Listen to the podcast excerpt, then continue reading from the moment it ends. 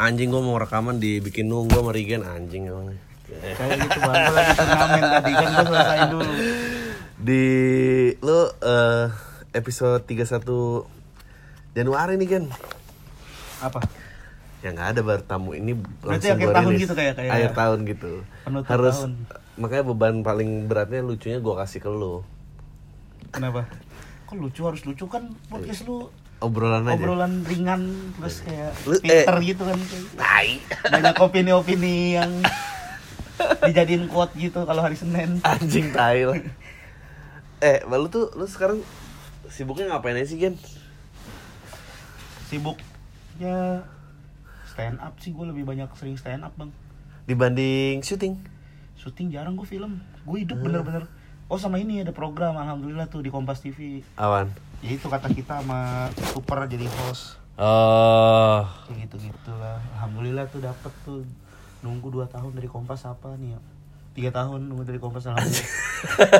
lu lu ikut Harus- kompetisi itu tahun berapa ya? 2015. Anjing lah. kan itu kan biasanya kan jadi host suci Iya, berikutnya kan terus gue nggak jadi host gitu Iya, iya, jadi iya. co-host sih sempet terus itu gantian jadi selama 16 minggu apa 18 minggu gitu terus gue gantian tuh sama host-host lainnya gitu nah terus gue nunggu apa nih terus sempat dibikinin program namanya Kombrik terus nggak lucu programnya bungkus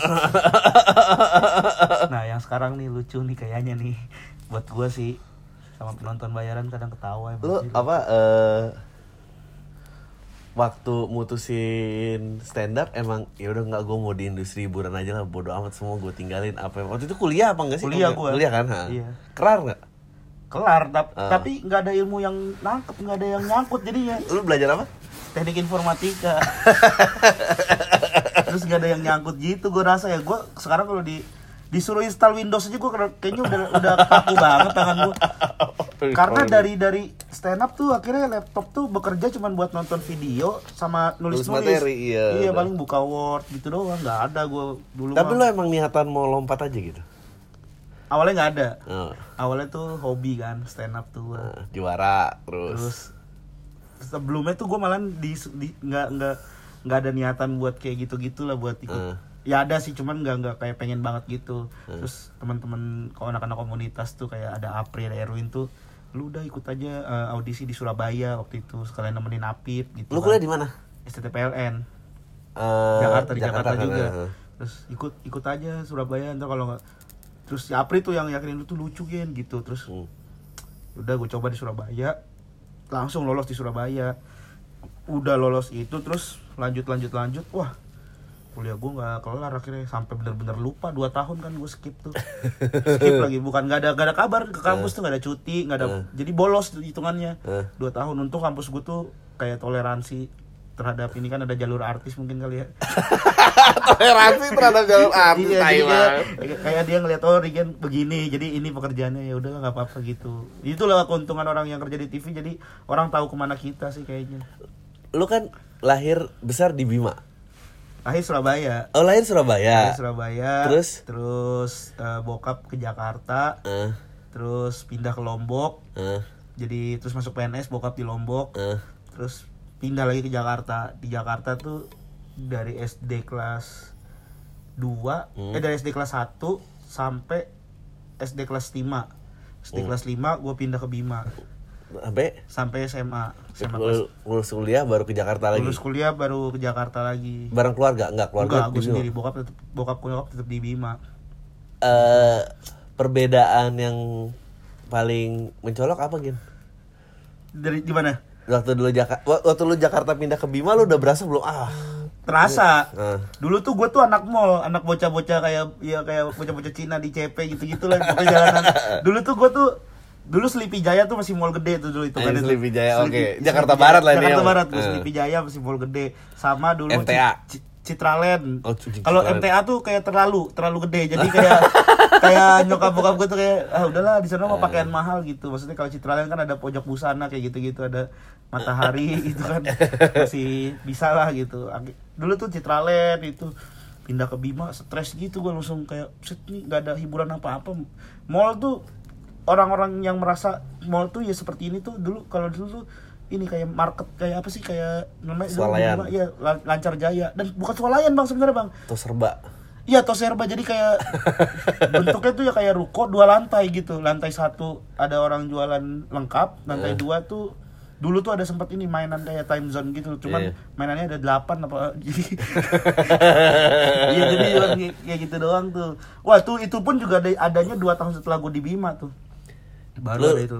eh, apa kayak langsung jadi anak paling populer apa Enggak, gue dicengin. so Jakarta? Bukan, karena dulu tuh gue ngerasa ya orang Jakarta tuh dari anak kecil aja tuh nggak peduli kayak kita ingusan segala macem gitu. Maksudnya nggak nggak nggak nggak peduli lah lu jorok atau apa di Bima tuh gue dikatain karena gara gue ingusnya meler mulu. Buset, gue bilang kaget gue di sini. Perasaan di Jakarta anak-anak lain juga ingusan meler gitu. Anak Bima tuh ya nggak taunya buset kelas 4 tuh udah pakai tanco, Bang Tanco apa sih? tanco tuh jadi kayak ini Gatsby wax tapi tanco ada namanya dulu anak-anak Bima tuh kaget gue udah belajar Gatsby wax terus anaknya wah pokoknya kehidupannya lumayan lumayan lumayan dewasa lah anak-anak SD-nya itu terasa banget. Pokoknya terus yang paling terasa tuh yang gue bingung mau ngapain di sono.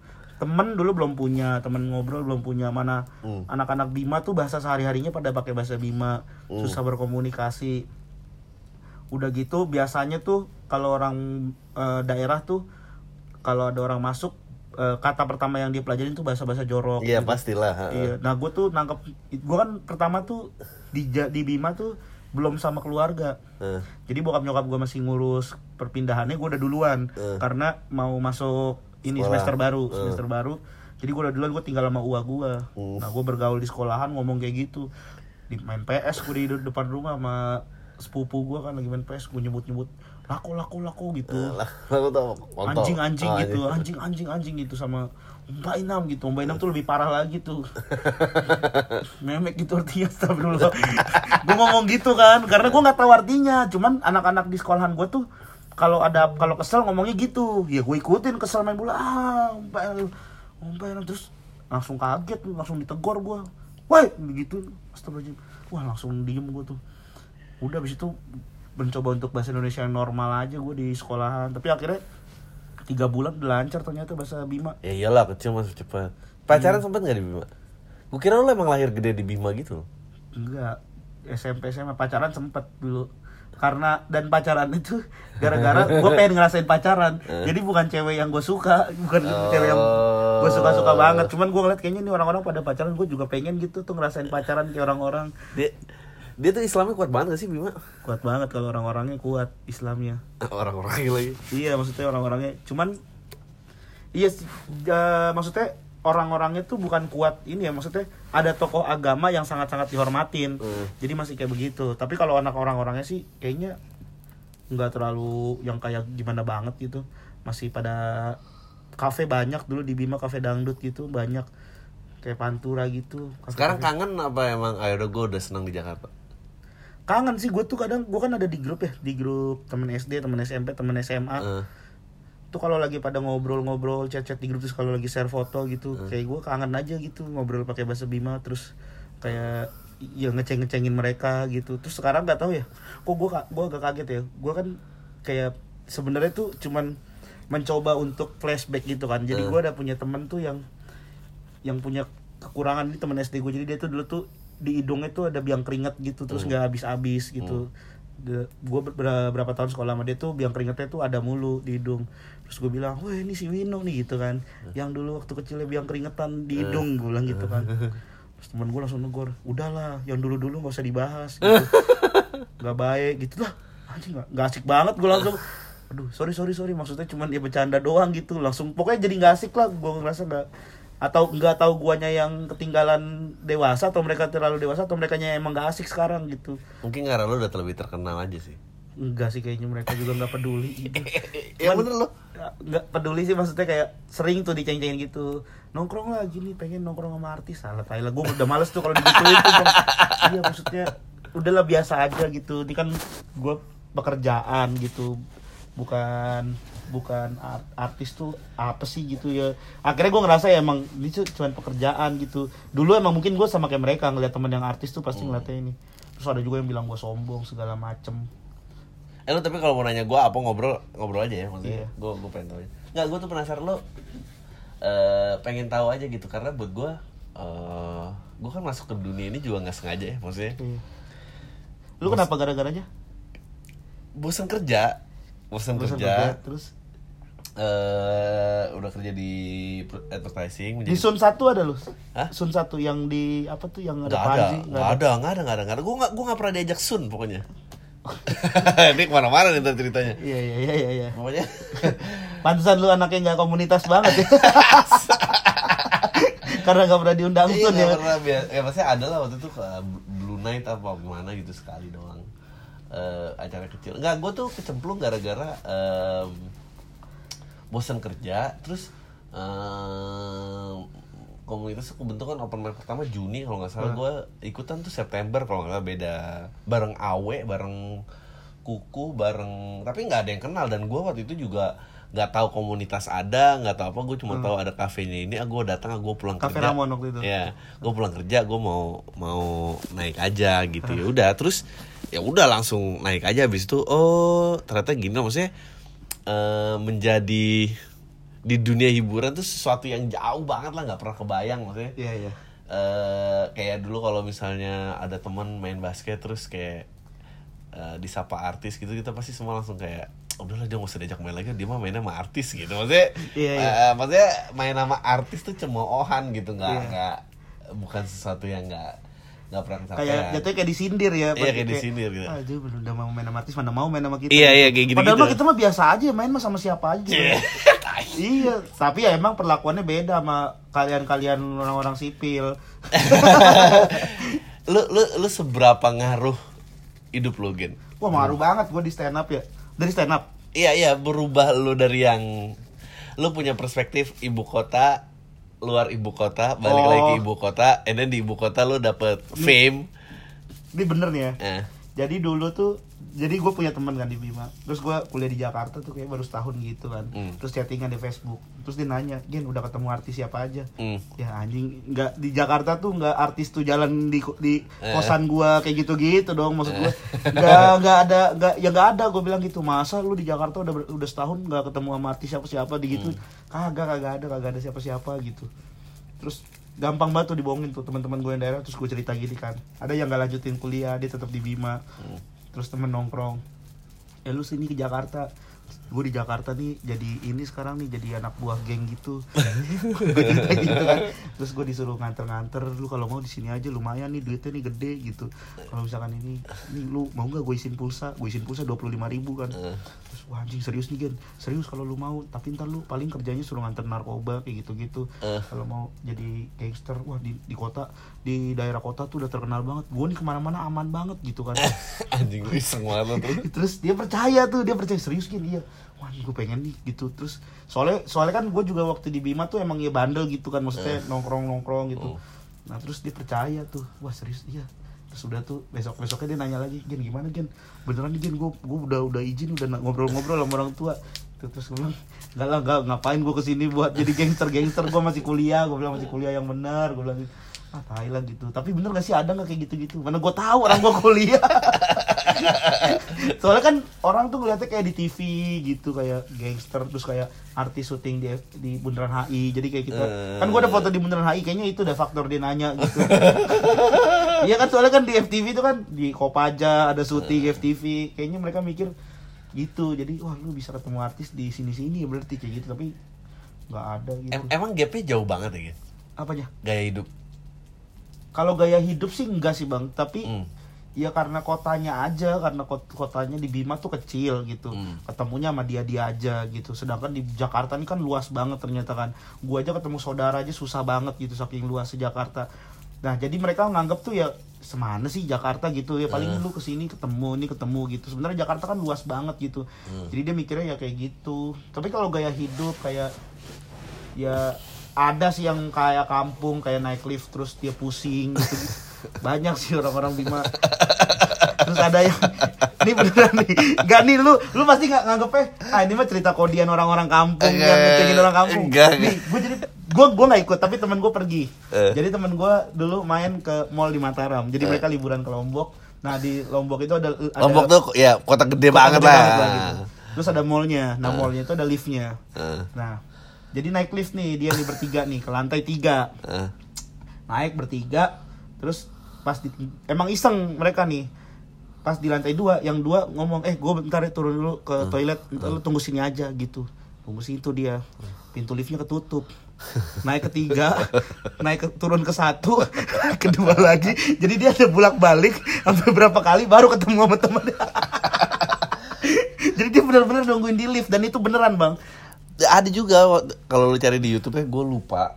Gue lupa negara apa yang jelas dari benua Afrika. Hmm. jadi dia itu teknologinya handphone nyampe duluan sebelum eskalator men. Waduh. Jadi jadi ada mall di mana orang tuh rame ngantri dan dia tuh heran-heran dengan teknologi eskalator padahal yang dia pegang tuh jauh lebih canggih. Jadi direkam orang yang teknologi luar biasa ya tet, tet, tet, gitu. Ada ada. Lucu banget. Ya udah naik ke atas turun lagi ke bawah turun ngantri. Eskalatornya. Sama kayak ini ada juga tuh di video di Instagram. Lu pernah lihat nggak yang orang di bandara yang meriksa tas body check up. Nah terus dia masuk ke tempat yang buat tas. Hmm. ada juga tuh jadi dia eh, kelengkap CCTV Hmm. jadi disuruh oh maksudnya tuh tasnya simpen di itu sama dia dianya masuk. Keluar tiba-tiba keluar bingung. Petugas bandaranya kaget. Ada tuh di Instagram. Dan ter- emang bener ada gitu orang-orang yang kayak pertama kali ngeliat ini pertama gua aja pertama kali ke Jakarta yang gua samperin tuh ya tempat-tempat nakal gitu iya iya diskotik gua tuh main ke diskotik dulu di ini. Udah gitu diskotiknya gua baru tahu sekarang nih ternyata itu diskotik paling sampah gitu kayak. Oh aduh udah Iya, tahu ya sekarang udah tahu sekarang dulu kayak ternyata tuh diskotik yang isinya tuh cabe-cabean yang cowoknya tuh supir truk gitu. Jadi di mana sih? di Gunung Sahari ada EXO bang. Gue baru tahu tuh baru tahu setelah sekarang ini ternyata di Kemang tuh ternyata di sini ya orang-orang Jakarta pantas gua ke sono kok. Yang mukanya muka-muka gua juga gitu. Gak ada, muka-muka kotanya pisan gitu. Sedangkan yang liat di TV ya keren seksi-seksi nih mana ampun dah dulu di EXO tuh. Wah dulu hampir seminggu sekali gue main ke EXO serius bang. Udah gitu maboknya di luar lagi kan. Di sana cuman ya welcome drink coca cola doang. Dulu tuh bayarnya dua puluh lima ribu. dua puluh lima ribu udah dapet coca cola tuh. Wow. Berangkat mabok dari luar dulu ya Mabok dari serat iyalah. Iya mabok dari luar. Oh tapi ngebungkus tuh ngebungkus ngebungkus gitu juga dulu ngebungkus ngebungkus. Gue tuh gue tuh kayak gini-gini tuh karena gue penasaran gue bukannya mau ngenye mau apa karena gue iri. Sebut bukan iri sih lebih kayak gue nggak punya perspektif pergantian karena gue lahir besar di Iya, lu di di Jakarta Selatan gitu. Iya tapi gue bukan Jakarta Selatan yang wah gimana? Maksudnya bukan. Nggak tapi masalah muda lu nggak kayak gitu bang enggak muda lu masa nggak maksudnya bukan cowok-cowok hits kayak anak-anak jaksel lainnya Nah itu, nah ini yang pengen gue tanya. Apa sih kira-kira bikin orang itu? Kenapa sih orang suka ngerasa kayak, eh, enggak kalau gue mah bukan apa-apa gini. Lu orangnya, lu orangnya minderan gak sih? minderan sih Enggak kan? hmm, kalau depan cewek gue minderan gue Ah ya bukan cewek, tapi kalau depan cowok bodo amat sih ya nggak nggak ini cuman tapi ada image apa kayak lu bilang tadi ke gue, emang emang gue ada image apa yang terbayangkan seolah-olah, wah nih Jakarta, ya enggak anak kalau Jakarta. kelihatannya aja bersih gitu. Bersih lagi ya, anjing. mukanya tuh nggak bolong-bolong gitu. Kayak nggak dekil gitu lah nggak dekil kelihatannya serius. Kan anak jaksel tuh nggak ada yang dekil. Kalau jakut nih bukan yang ngecengin ya cuman kelihatan gitu anak jaksel. Nggak tahu kenapa ya kecuali mungkin anak jaksel yang pinggiran tuh kayak pasar minggu gitu nggak tahu sih gue tapi kalau jaksel tuh pasti yang dipikiran Tapi gua- daerah kemang tebet Oh iya enggak enggak gua gua enggak gua gua enggak Jaksel Tengah jauh gua dari Jaksel Tengah gua udah pinggiran udah mau ke lenteng agung Tangerang Selatan enggak Oh. mau ke barat sana. oh daerah daerah situ ya ya, ya. Pondok pesang- indah dong kayak Pesanggerahan apa gitu. Enggak enggak enggak enggak, Pondok Indah dong. Sama aja. sama aja makanya yang rumah sakitnya ada helipad Anjing lah. Enggak, tapi emang kayak gue gue tuh perasaan kayak emang eh, penghasilan sama fame tuh kayak ngangkat gaya hidup lo atau iya iya kalau penghasilan ngangkat gaya hidup gua sebenarnya mau gak mau ka, eh, gaya Mau hidup mau gua harus berubah. harus berubah gitu ini gua ditegur sama cewek gua kayak gitu gitu dulu Eh. kan gua kan dari Bima tuh anak reggae ya maksudnya Eh, jadi yang anjing seru banget. Kalau lihat foto-foto gue ada foto gue pakai kupluk gimbal Eh. pakai baju-baju Bali gitu celana-celana sobek terus kayak ke kampus pakai sendal kayak gitu-gitu pokoknya gue kayak wah ngerasa gue nih anak reggae gitu Oh. Nah, terus pas udah jadi stand up comedy yang tadinya gue mencoba tetap seperti itu, cuman kayaknya nggak bisa gitu. Hmm. Disuruh kamu tuh berubah penampilan, beli baju di H&M sekarang mah kaos segala. Dulu mah gue ketampur, gue sampai ada langganan ditampur di sudut itu kalau beli sepatu tuh Macbeth Macbeth tuh kan 200 300 tuh ditampur. Eh. Gue di situ bisa belanja dulu tuh. Itu udah ngerasa keren banget punya Itu sepatu. itu itu tahun berapa? 2010 2011 Sebelum suci. sampai 2000 2013 iya sebelum 2014 sampai 2014 Hmm. sampai 2014 tuh gue masih kayak belanja belanja di situ di Suci aja gue perform pakai sepatu KW gue Hmm. belum belum belum punya duit banget yang buat ini nah cuman akhirnya setelah masuk Suci terus ditegor juga sama ini manajer Eh. Sama manajer Kompas maksudnya dulu yang ini yang apa manajer kita tele- manajemen negor suruh stylenya yang gini lah jangan jangan terlalu urakan gitu. Kamu kan juara segala macem Oh. jadi harus harus tampilannya juga karismatik gitu gitu ya udah pakai batik. Enggak lah ya enggak lah masa ya udah terus gue mencoba kayak gitu. Terus sekarang tuh disuruh turunin berat badan cuman gue ngerasa gue lucu nih sekarang nih semenjak gendut Iya. jadi gemes gitu gue bahkan udah nggak inget lo lu tuh nggak gendut gimana. Dan banyak kayaknya foto-foto gue kayaknya nggak sih dan seinget gue nggak selucu sekarang kayaknya. iya nggak tahu gue gue gendut tuh kayaknya orang tuh ngetawain ya kayaknya kalau gue nggak terlalu gendut tuh kayak gue tuh jadi cowok biasa aja gitu nggak ada nggak ada apa Nggak ada atraksinya. iya gitu nggak ada secara looking tuh nggak ya biasa aja udah gitu kayak orang yang jago ngomong-ngomong doang jatuhnya tapi kalau ada gendutnya nih kayak orang gendut gitu terus marah-marah ya jadinya nggak tahu jadi lucu kalau menurut orang malah ketawa gitu Tapi kalau kalau menurut lu ya Gen gue ya, pengen tahu penasaran aja sih gitu. A- Apa ya, menurut lu yang buat orang tuh kayak tertarik banget sama fame? kalau kenapa orang ini tertarik sama fame Heeh. Apa ya dan kayak- dan pada saat dia udah nggak di titik itu pun dia berusaha tetap nggak gue mau ada di titik itu gitu Wah, gua gua gua nggak tahu nih alasan orang kenapa pengen fame tuh. Kayaknya sih, kayaknya ya, karena akhirnya dia banyak yang kenalin terus ke mana-mana ada yang negor gitu. Eh, Karena itu ka- menyenangkan ya itu menyenangkan, menyenangkan itu kayak oh iya gitu, thank you gitu. Eh. Padahal mah kadang tuh gue juga males tuh kalau misalkan Iya. malesnya tuh kadang lagi melakukan hal yang yang yang jelek gitu. Hmm. Kayak misalnya eh check in hotel gitu. misalnya nih misalnya. Iya, iya, bukannya misalnya. gua bukannya gua suka check in hotel. Misalnya gitu. Terus ada yang negor eh Rigen ya? Iya. Eh halo Mas Rigen. Eh mbak ya gitu. Mbak siapa? Iya Wah, itu. lu masa kenal kenal iya udah habis itu di dalam kamar pusing sendiri tuh. Ngecekin DM ngecekin ini takutnya bang ini lu gimana bang? Kalau kan gua posting ya takutnya. Ketemu bang Rigen Twitter gitu kan ketemu bang Rigen lagi di hotel. Oh. takutnya gitu-gitu. Males sih set- set- setelah setelah setelah gue ngerasain itu ternyata nggak enak gitu. Cuman orang-orang tuh ngerasa kayak fame tuh duit banyak segala macem. Duit banyak juga. Kayaknya mah eh, orang tuh duit banyak juga harus harus nutupin buat lifestyle-nya dah. Iya. Kayak gue nih pernah denger nih ya eh, orang dari kru TV ceritain Raffi Ahmad. Raffi Ahmad tuh utangnya banyak banget gitu. Eh. sedangkan duit dia juga sebenarnya banyak. Nah gue rasa tuh ya akhirnya karena duit banyak tuh dia harus beli ini beli itu gitu. Iya. yang yang dia pengen beli tuh dibeli semuanya. Dan juga untuk ngangkat dia tuh. Jadi kan kalau kalau bayangin aja kalau misalkan Raffi Ahmad tetap naik Supra kan kayaknya ya nggak bakal orang bayar mahal gitu. Makanya dia harus beli Lamborghini segala macam. Mungkin karena itu. Kayak gue juga kalau gue mobil tuh banyak yang nyaranin waktu gue hadiah mobil disuruh jual. Tapi gue bilang ah nggak usah dijual lah biarin aja lah gitu. Buat gue pakai juga. Dan itu ternyata membantu membantu gue kalau ketemuan klien naik apa sih naik mobil? gitu. Entry point ya entry Iya, point kayak- turun gitu. Oh, naik, naik mobil mas. Oh iya. Dipanggil mana gitu? Oh bareng deket ya? Waduh tuh kadang males tuh kalau udah deket tuh. Soalnya akhirnya dia tahu mobil gua karimun. Udah keren keren kan mobil. Gitu. Eh, apa kayaknya sih orang mikirnya banyak duit fame tuh banyak duit gitu.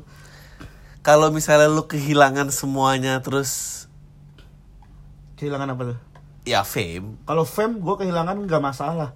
Yang gue takut kehilangan tuh lucu gue Oh. Karena- Tapi berarti maksudnya udah nggak mungkin balik ke kehidupan orang normal dong. Maksudnya orang Iya, normal kalau- dalam artian misalnya lu tiba-tiba kerja kantoran gitu. gue masih mem- mem- masih memikirkan hal itu bang Oh. nah ya tapi yang di pikiran gue orang kantoran itu nggak nggak orang kantoran kayak kerja di bank kerja di kantor nah sekarang tuh yang ada di pikiran gue ketika gue udah nggak bisa lagi nulis materi ketika gue udah nggak stand up tujuan akhir gue tuh kayaknya ya gue bakal kerja di TV Hmm. gue bakal kerja di TV entah jadi tim kreatif entah Iya, jadi apa produser ya mungkin dari tim kreatif dulu lah gue bisa ngerasa gue ngerasa di situ gue masih bisa gitu walaupun Oh. gue udah nggak fame gitu Udah nggak jadi bintangnya gitu. Iya gitu, gue masih bisa karena eh ya itulah makanya gue takut kehilangan lucunya gue karena Hmm. lucunya gue tuh bisa bisa gue olah lagi gitu kalau tapi kalau gue udah nggak lucu ya udah otomatis fame hilang segala hilang gitu Lu confidence ini siapa yang ngajarin?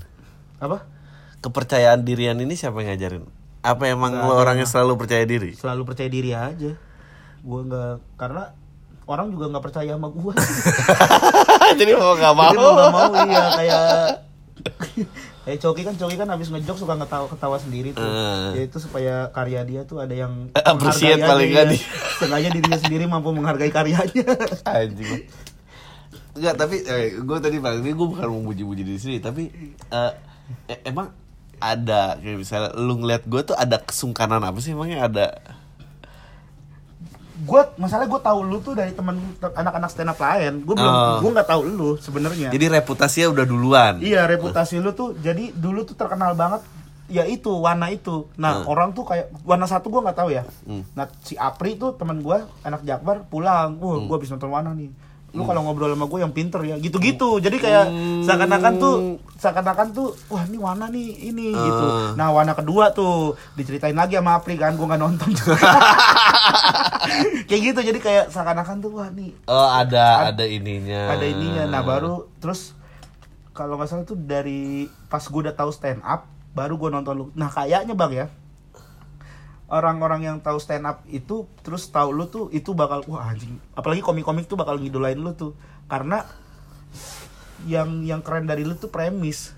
Harus gua harus gue bilang sih premisnya itu yang kita tuh bikin bikin komik-komik nih ya. Kayak gua kayak yang lainnya gitu.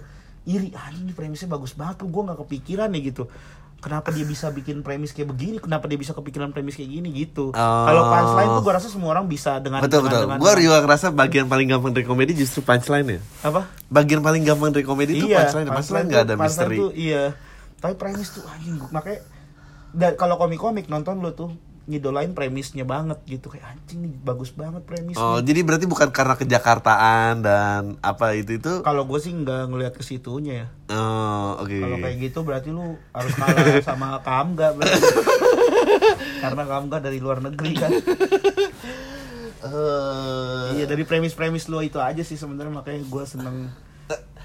Gue tuh sering ngebahas kayak gue tuh percaya gue tuh percaya banget konten eh kon ya kon, konten ataupun apa pun stand up yang bagus tuh jalanan. Dan mereka eh, nggak berpura-pura nggak menjadi dirinya.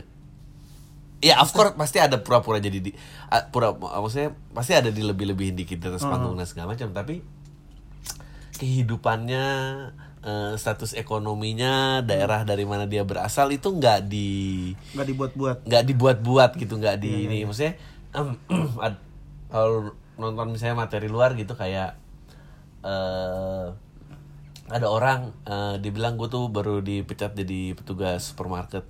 Nah, habis petugas eh, habis supermarket gue ada di daerah yang bahaya sih gitu. Eh, waktu yang gue sebel kalau lu ogah-ogahan ngelakuin pekerjaan lu kenapa eh, lu tuh nggak dipecat ya gitu. Manajer lu malah ngasih tugas lagi gitu. Kenapa nggak pecat aja gitu? Hmm. dia cerita lah bahwa suatu hari nggak kalau ada yang ngerampok lo harus cegat dong katanya gitu. Enak aja cegat. Itu mah teman komplek gue yang ngerampok gitu. Gimana gue cegatnya? Bla bla bla. Eh, ya karena dia bule aja jadi keren. Tapi sebetulnya kan kontennya kontennya ya Iya, ya saat di situ gitu. Maksudnya iya iya. Dia dia dia nggak ngebuat-buat itu. Iya lu kalau lu pegawai Circle K lu bisa membawakan itu dengan baik. Itu cerita yang nggak bisa gua Hmm. Orang nggak lain bisa, bawa, ya ya. nggak bisa tiru nggak bisa tiru gitu. Eh, tapi yang bikin gemes kadang-kadang eh suka ngerasa kayak aduh nggak gua gua tuh siapa sih? gitu. Gua tuh apa? gitu gitu nah nah gua nggak gua mungkin lu nggak bawa itu ya gue sih ngeliatnya lu orangnya cukup percaya diri gitu Ta- Hmm. tapi kalau lu ini menurut lu kenapa gitu kayak Kenapa orang, orang- rasa kecil akan dirinya akan ceritanya akan apa gitu Kalau menurut gue ya dia belum belum damai aja kayaknya bang. oh anjing ini menarik nih oke terus Iya kayak dia dia belum belum damai gitu. Ya banyak tuh komik-komik baru kan. Gue gue tuh biasa kalau ada komik baru gue tanyain background dia apa gitu. Kayak, dia nih stand up nih terus dia kayak ngejokes ngejokes gitu kayak Eh. ngejokes bukan bukan kayak cerita lucu aja nggak ada nggak ada poin yang Hmm. kayak lu nih siapa sih? gitu. Nah terus biasanya gue tanyain lu tuh nggak mau cerita-cerita tentang hidup Hmm. lu gitu? Lu tuh apa sih? "Gua nelayan bang gitu. Hmm. oh lu nelayan gitu. Terus lu gimana mengenai ini kayak reklamasi reklamasi gitu? Waduh ya susah bang. Orang tua gue jadi susah ini nel- nelayan gitu. Eh. oh terus gimana sekarang kerjanya ya susah kadang kita itu nyari ikan tuh kalau emang air laut lagi pasang banget gitu. Eh. kalau lagi surut tuh kadang susah gitu. Pokoknya dia cerita cerita gitu lah terus gue tanya udah lu bikin aja materi tentang itu. Waduh bang gue nggak bisa bang nggak berani bang. Gue ceritain tentang reklamasi reklamasi gitu. Gue Eh, belum eh. terus gue juga eh, nggak enak gitu cerita Hmm. tentang nelayan. Banyak kayak gitu gitu gue rasa karena dia belum damai aja belum terus ada yang cerita keluarganya cerai Hmm. segala macam. Itu kan menarik gitu. Cuman dia tuh belum belum berdamai kayak belum berani untuk nyeritain ke orang banyak gue Hmm. juga ada cerita cerita menarik yang sebenarnya ya menurut gue salah satu materi yang paling gue suka waktu itu di suci lu adalah yang lu jatuh dari kuda bapak lu ngejar kudanya bukan maksudnya lebih sayang sama kudanya lah daripada Iya. sayang sama lu gitu menurut gue itu anjing ya bukan maksudnya Ja- misalnya Jakarta yang katanya lebih baik ya Jakarta nggak bisa bikin materi itu gitu Iya, ada makanya banyak sebenarnya cuman ya itu faktor gue tuh aduh kayaknya gue gue kulik juga belum tentu lucu yang ada bongkar aib doang gitu takutnya. Udah bongkar aib nggak lucu kan kayak tainya kan kayak aduh Oh. anjing. Kayak misalnya dia ceritain gue nih gue nih nggak bisa ngaceng. Misalnya ini ada orang impotensi kan stand up. Gue nih nggak bisa ngaceng nih terus nggak lucu. Kan tai banget ya maksudnya udah dinonton 200 orang udah ceritain dia impotensi terus nggak lucu kan. Eh, kayak gitu-gitu makanya gue belum belum ini. Terus gue gue sih udah nyoba kulik ya, cuman kayaknya nggak lucu gitu. Nggak lucunya entah karena deliverynya gue yang kurang berani untuk ngebawainnya. Hah? eh, kayak gue nya kurang pede nih jadinya kayak ada yang nahan. Ngerasa gitu. Gokil anak jaksel bersin. Anjing lu tai. Gitu gitu doang. Kayaknya belum belum delivery juga belum berdamai gitu. Kayaknya ya dia dia dia nggak belum santai lah sama hidupnya masih malu. Eh apa? Lu tapi lu pertama kali akhirnya menikmati stand up dan apa itu lu ngubah ngubah sudut pandang lu ngeliat hidup nggak? Apa sebelumnya lu sebelum stand up lu orang kayak apa? Sudah stand up lu orang kayak apa? Belum stand up gue orangnya penuh empati sih yang pasti tuh. Oh ya? Iya maksudnya kayak ngeliat ini sedih gitu, ngeliat ini. Nonton, nonton tolong aja gue pernah netesin air mata dulu serius bang maksudnya gue nonton tolong nonton di rumah tuh dulu. Anjing, gitu kayak ya allah nih orang baik banget gitu. Setelah masuk stand up gue ngeliat Dani Aditya tuh kayaknya wah nih orang banyak banget salahnya nih gitu. Gitu Iya gitu tapi itu kayak- agak mematikan itu ya iya agak tuh- iya, iya. agak matiin gue empati gue kepada orang gitu jadi kayak gue ngeliat orang jatuh ya. Dulu mungkin eh gitu kayak gak apa-apa mbak gitu. Sekarang lu ngeliat orang jatuh aduh anjing lucu banget nih kalau ini kayak gitu gitu jadi kayak ya udah udah kayak udah hilang empati aja gitu. Terus apa-apa nih dikit-dikit materi yang gue pikirin apa-apa materi. Ngeliat orang berantem di di jalanan gitu kan. Kalau dulu kayak oh kenapa nih ribut-ribut? Ya udah paling mikirin penasaran sama penyebab dia ribut kan. Kalau sekarang nih, nih dia ribut bisa gue jadi materi apa di jalan gitu gitu sering sekarang tuh. Kayak gue punya kan sekarang sekarang nih materi gue banyak yang tentang keresahan gue jadi juara terus nggak terkenal gitu gitu kan. Ya itu gara-gara udah akhirnya berdamai jadi semua gue ceritain apa gue ceritain gitu di jadiin stand up Iya confidence lu sih luar biasa sih menurut gue Gue ngeliat lu di PPI Rotterdam eh, apa ngomongin ini terus Oh. eh, kursus bahasa Inggris apalah. Maksudnya gue eh, ngeliat lu sih ya, ya gue gua ngefans juga aja gitu. Aja Ya beneran beneran beneran. beneran. Eh nggak gue tapi gue nih lu, lu yang sebagai menurut lu gampang nggak bertahan di dunia hiburan? eh susah banget gue tuh bertahan gue tuh kan sempet stuck bang kayak Ah. ada kali setahun gila gue maksudnya lep- da- di manajemen Kompas tuh gue kan kontrak 2 tahun. Iya. nah Kompas tuh ngadain suci setahun sekali. Iya. gitu. Jadi begitu suci gua kelar gua diurusin selama beberapa bulan. Eh. kemudian masuk suci baru nih. Muncul suci baru lagi juara suci baru. Waktu itu Indra Jegel. Nah yang gua gua tuh kayak udah bingung tuh karena pasti yang diangkat yang suci-suci yang baru ini kan. Gua sempat stuck di situ. Terus gue tampil di super sering gak lucu tampil di mana sering gak lucu gitu. Terus orang tuh isinya hujatan semua ke gua. Ini apaan sih ini? Juara nggak lucu juara nggak lucu. Juara sampah juara gagal. Sampai gue ngerasa titik balik gue adalah ketika gue udah bisa ceritain itu ke orang ketika gue di komen di Ah. makanya penampilan gue di Suci 7 di Grand Final Suci 7 tuh gue ngerasa itu titik balik gue ke ke kelucuan gue lah gitu kayak stand up gue nih nih lu gue nih gitu. Akhirnya gue kayak bisa ngasih unjuk gitu. Tuh di Suci 7 di Grand Final. Itu apa yang bikin lo akhirnya kayak berdamai sama ternyata itu lucu. Iya iya. iya ternyata itu lucu gitu. Gue tuh akhirnya wah anjing ternyata orang gue baru nyebut banyak gue tuh sering banget di komen juara yang gagal. Kan gitu gitu kan. Gagal. Juara yang gagal nih kan dua kata yang kontradiktif. Juara ya udah juara. Gagal ya beda lagi. Kayak kayak basah yang kering kayak nggak bisa disatuin gitu. Gue ngomong gitu kan. Ya lu gue udah juara. Mau lu bilang gagal gimana? Nah itu gue di situ tuh. gitu? nah di situ tuh titik gue terus tuh anjing nih lucu nih. Gue tuh kayak ngomel-ngomel bang di situ bang. Gue bener-bener ngomel-ngomel terhadap terhadap ya gue sekarang kenapa gue jadi juara terus dianggap gagal gitu gue udah juara gue di kompetisi gue udah juara gitu terus kenapa sekarang lu nuntut gue harus lucu lagi setelah juara gitu ya, gue kan ikut masa sekarang orang lomba makan kerupuk udah juara lomba makan kerupuk begitu dia makan kerupuknya lambat dikatain Anjing bagus. Iya kayak gitu kan. Lu gimana sih juara makan kerupuk, makan kerupuk aja lama banget lu. Kan nggak mungkin kayak begitu, Bang. Maksudnya udah gue udah juara kompetisi, gue mah udah fokus buat kompetisi gitu. Gue ngomel-ngomel tuh di Suci waktu Grand Final Suci 7. Eh. Gue bilang, "Gue nih juara, gue juara yang gagal segala macam, segala macam." Udah gitu bukan gue doang yang diserang, juri-juri juga sampai apa urusannya gitu sama juri-juri. Ini lu kalau mau nyalain mah jangan nyalahin gua gitu. Gua Selain kompetisi ya. iya nyalain kompetisinya kenapa jadiin gue juara waktu itu gue gitu terus nggak terkenal di Bima gue bahas itu Bima juga gue nih di Suci gue kan kombot sama lu kan selalu gue Iya. ceritain tentang Bima Bima Iya. Bima Iya. di Bima nggak terkenal gue bilang gitu ya Allah udah di Bima nggak terkenal kalanya penyanyi dangdut lagi gue gara-garanya tuh kan di iya di Bima tuh kan ada penyanyi dangdut yang terkenal tuh. Gue inget banget ada momen sama lo gue ngomong gini Gue gue lupa putaran keberapa Terus gue tiba-tiba Nggak gen. Nggak pokoknya lo yang jadi juara. Nggak kita bikin ya lo yang juara. Gue iya. eh Ke- kalau nggak salah kelima apa keberapa? Iya, keberapa. itu tuh justru gue ngebom tuh. Materi yang lu bilang lucu itu yang lu kombut itu ngebom tuh gue tuh.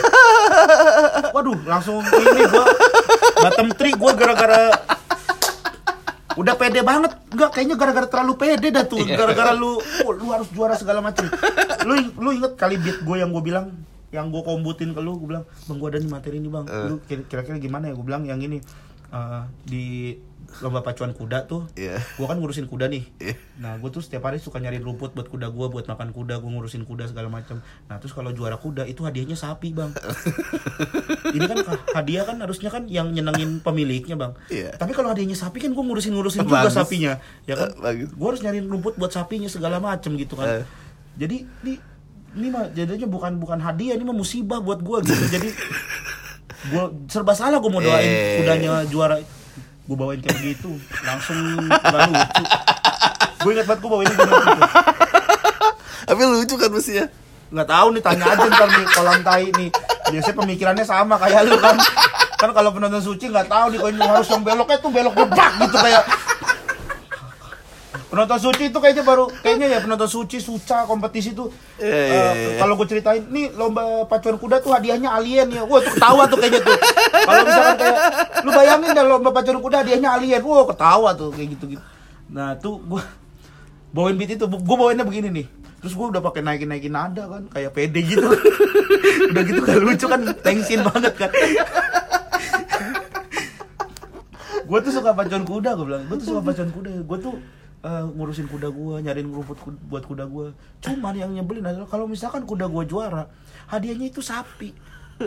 Yang otomatis sapi itu harus gue kasih makan juga. Gue cariin lagi rumputnya buat sapi. Buat kuda belum kelar buat sapi lagi. Ini mana namanya bukan hadiah musibah. Gak lucu.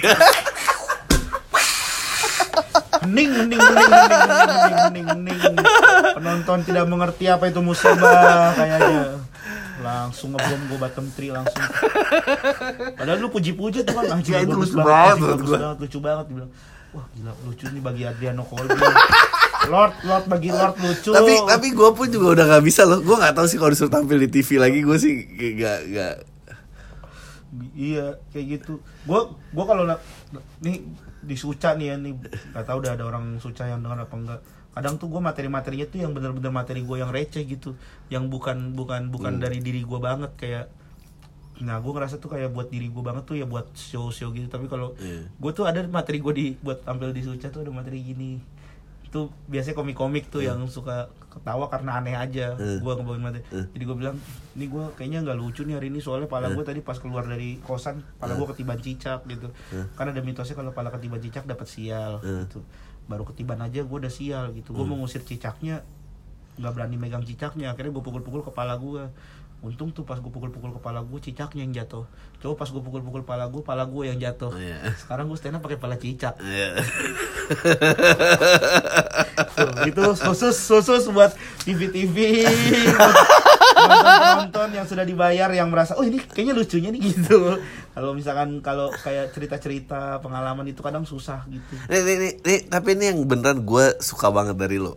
Menurut gue lu tuh berhasil membuat panggung apa pun tuh lucu.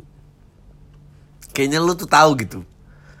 ya gak tahu ya gue ya kayaknya orang yang lihat gue lucu aja gitu bang Hmm. kalau orang lihat lu mungkin kalau corporate ngeliat lu tuh kayak lu tuh bukan pelawak gitu lu merasa gak sih kalau diri lu tuh bukan pelawak gitu kalau gue tuh maju ke panggung orang tahu kalau gue Ya pelawak gue sih gue memang eh, kalau di nongkrong kalau apa gue tuh eh, gue bukan anak yang paling sering ngomong.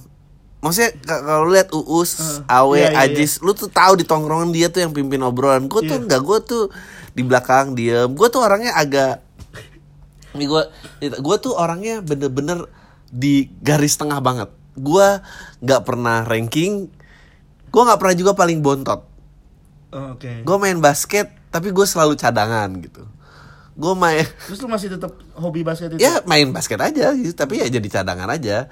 Eh gue bukan orang yang ngebully tapi gue juga nggak cukup jelek untuk dibully. Jadi gue tuh Iya. tumbuh memang ya udah di di garis itu aja. Hmm. nggak pernah jadi memang kadang lu, lu bisa lihat kalau gue nongkrong mana anak apa gitu Iya. gue bukan yang nggak ngomong karena gue so apalah Jakarta Iya. Selatan dan apa teh kucing tadi bukan karena emang nggak Karena udah. bukan tipe lu orang yang iya emang emang gitu dan, dan kalau ngobrol gue kayak gini gue suka Iya. banget ngobrol kayak gini gue bisa tiga jam ngobrol kayak gini gue ngobrol lo makanya lu bikin kayak Ah. podcast gitu ya. Ya kalau kalau gue justru kalau nongkrong kalau nggak ada orang yang dibully tongkrongan bentar kadang. Ah. kadang makanya selalu ada korban misalnya. Makanya gue kalau nongkrong sama temen tuh gue malah sebenarnya jarang nih ngobrol berdua sama orang serius. Ah. bahkan bisa susah banget. Sebenarnya ya gue tuh kayak ini aja kayaknya gara-gara konten doang nih gue makanya mau cerita banyak nih. Ya nggak apa-apa. Jarang gue maksudnya kayak ngobrol serius tuh. Kadang ngobrol juga bingung mau ngobrolin apa. Mungkin karena lu juga banyak nanya kali ya kadang gue susah untuk nanya juga. Jadi isinya kalau gue nongkrong bercanda. Karena gue susah buat eh lu gimana kabar? Waduh bahasa basi kayak gitu. Lu sekarang kerja di mana sih? Kayak gitu gitu di sini. Bingung gue iya. Lu bingung ya? Ya gue juga nggak bisa sih sebetulnya kalau kayak gitu. iya paling kalau kayak ada topik apa yang mau dibicarain baru gitu. Kalau dulu tuh paling bola gitu sekarang udah jarang. Nggak, tapi maksud gue kenapa tadi gue bilang eh, lu bisa nilai di panggung ada yang berubah nggak sejak kayak gue nggak tahu ya gue ngerasa eh gue ngeliat coki muslim ngeliat lu tuh gue iri. Karena menurut gue jam, jam panggungnya sangat tinggi. Kayak akhirnya lu tuh berhasil ngeliat apa ketakutannya tuh udah hilang. Lu ngerasa gitu gak sih? Ketakutan di mana? Di panggung? Ah. Ketakutan mah tetap ada sih bang. Cuman gue lebih takut kalau gue nggak lucu. Oke. itu yang menutupi kenapa gue nggak takut lagi kayaknya. Karena gue harus harus harus bener-bener total gitu kalau gue nggak Ah. total gue nggak lucu gitu. Apalagi gue nih gue tuh kan yang mainnya emosi mainnya eh, nada-nada yang teriak-teriak gitu. Makanya gue harus ngerasa gue harus total. Mungkin lu ngelihatnya itu se- sebenarnya ya ya itu tekanan dalam diri gue sendiri bukan ah. Iya jadi kayak lu jangan kayak gini tampilnya gitu. Lu jangan kayak gini gitu. Jadi kayak ada yang dorong dorong gitu. Sebenarnya makanya gua Tapi kayaknya maksudnya udah lebih berani untuk nggak lucu kan?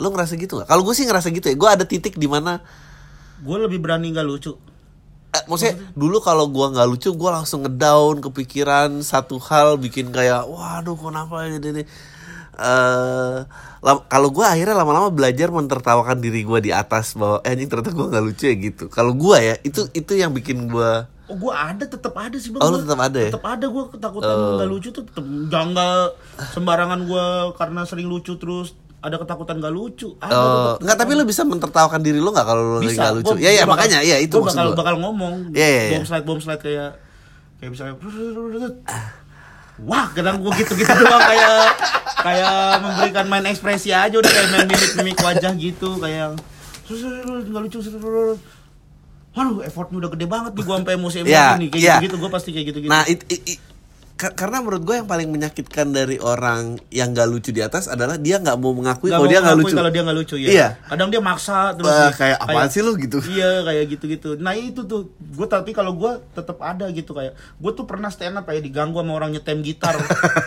korporat lagi. Iya. Ya udah sama gue gue jadiin bahan livingan. Ada orang lagi nyetem gitar teng neng neng neng gue Nah kalau ini 700 nih bang. Kalau mau bang. Jadi seakan-akan kayak ini karena gue tahu nih, udah nih gue nggak lucu kalau gue lanjutin. Ya lu nggak mungkin masuk ke dalam materi lu dan lu Iya gitu, kan ka- kadang ada orang tuh yang ngotot pakai ngotot banget gitu karena dia tahu nih materi gue lebih lucu daripada orang nyetem gitar. teng teng teng. Gue nggak ngerti ya. Teng teng teng teng gue nggak ngerti.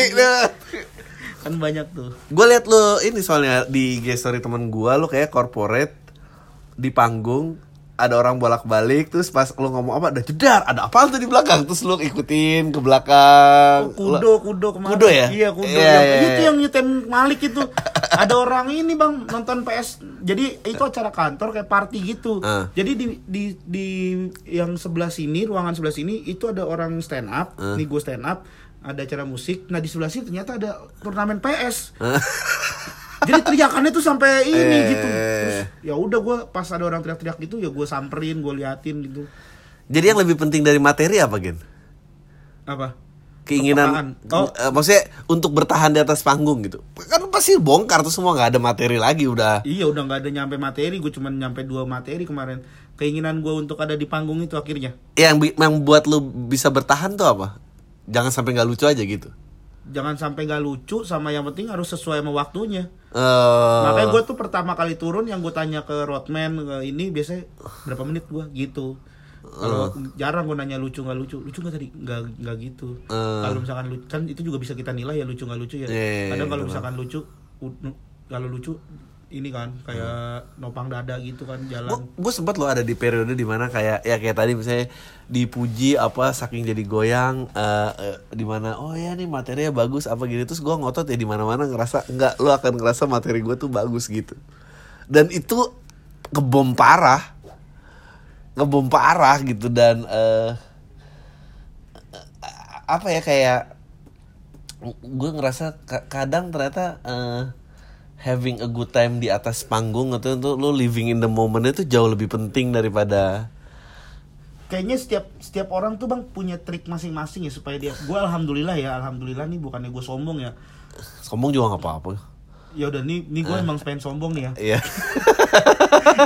Gue tuh eh, belum pernah ngerasain yang kayak lu lu bilang ngebom parah tuh mungkin yang benar-benar hening yang orang kayak bener nggak buat gue ngebom parah bukan hening. Apa? Ngebom parah tuh dicuekin iya belum Iya. belum belum sampai kayak Oh, dicuekin gitu gue gua belum pernah, pernah gua pernah. karena gue tuh selalu punya ini bang biasanya ya apa pun itu kayak kalau korporat kalau korporasi biasanya gue tanya bosnya kan Hmm. bosnya siapa nih gitu nah tuh biasanya awal tuh gue buka dengan ngecengin bosnya Hmm. nah ketika gue stand up terus ada materi gue nggak lucu gue balikin lagi ke situ jadi gue tuh Hmm. punya satu Titik safe zone. satu titik safe zone itu jadi ketika gue nggak lucu gue bilang waduh pak nih kenapa sih pak? Pada nggak pada Oh. ini pada cuek banget kayaknya nonton saya gue gituin. Eh. ini kayaknya gara-gara gaji kalian ya belum dinaikin. Wah tuh biasanya kayak gitu. Itu contoh-contoh kayak wah gitu. Terus gue biasa gitu. Terus kalau udah mat- materi coba materi lagi nggak lucu lagi. Wah amsyong lagi. Ya udah gue terus mainnya di situ aja kayak ngecengin apa ngecengin apa. Nah gue untungnya alhamdulillah ya gue punya cukup spontanitas yang bagus lah. Hmm. gitu kayak bang Ajis gitu. Ya, ya, alhamdulillah gue punya spontanitas di situ yang cukup baik yang di sini pernah berhasil gue coba lagi berhasil lagi gitu. Kalau orang ternyata nggak pernah bisa bisa stand up tuh karena apa?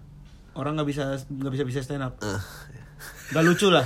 Orang stand iya, up iya. yang nggak lucu lucu ah nggak lucu lucu dan dia ngotot. Kenapa masih mau stand up? Gue ngerasa dia tuh sebenarnya punya penulisan yang bagus. Ah. Tapi dia nggak punya delivery yang baik. Ah. Eh banyak lah contoh yang lah ini tulisannya bagus banget nih Eh. tapi begitu dia stand up nggak lucu gitu jadi cara delivery di atas materi apa yang oh mau iya sampai Iya, oh, oke gue gue gue setuju itu. Iya, gua juga.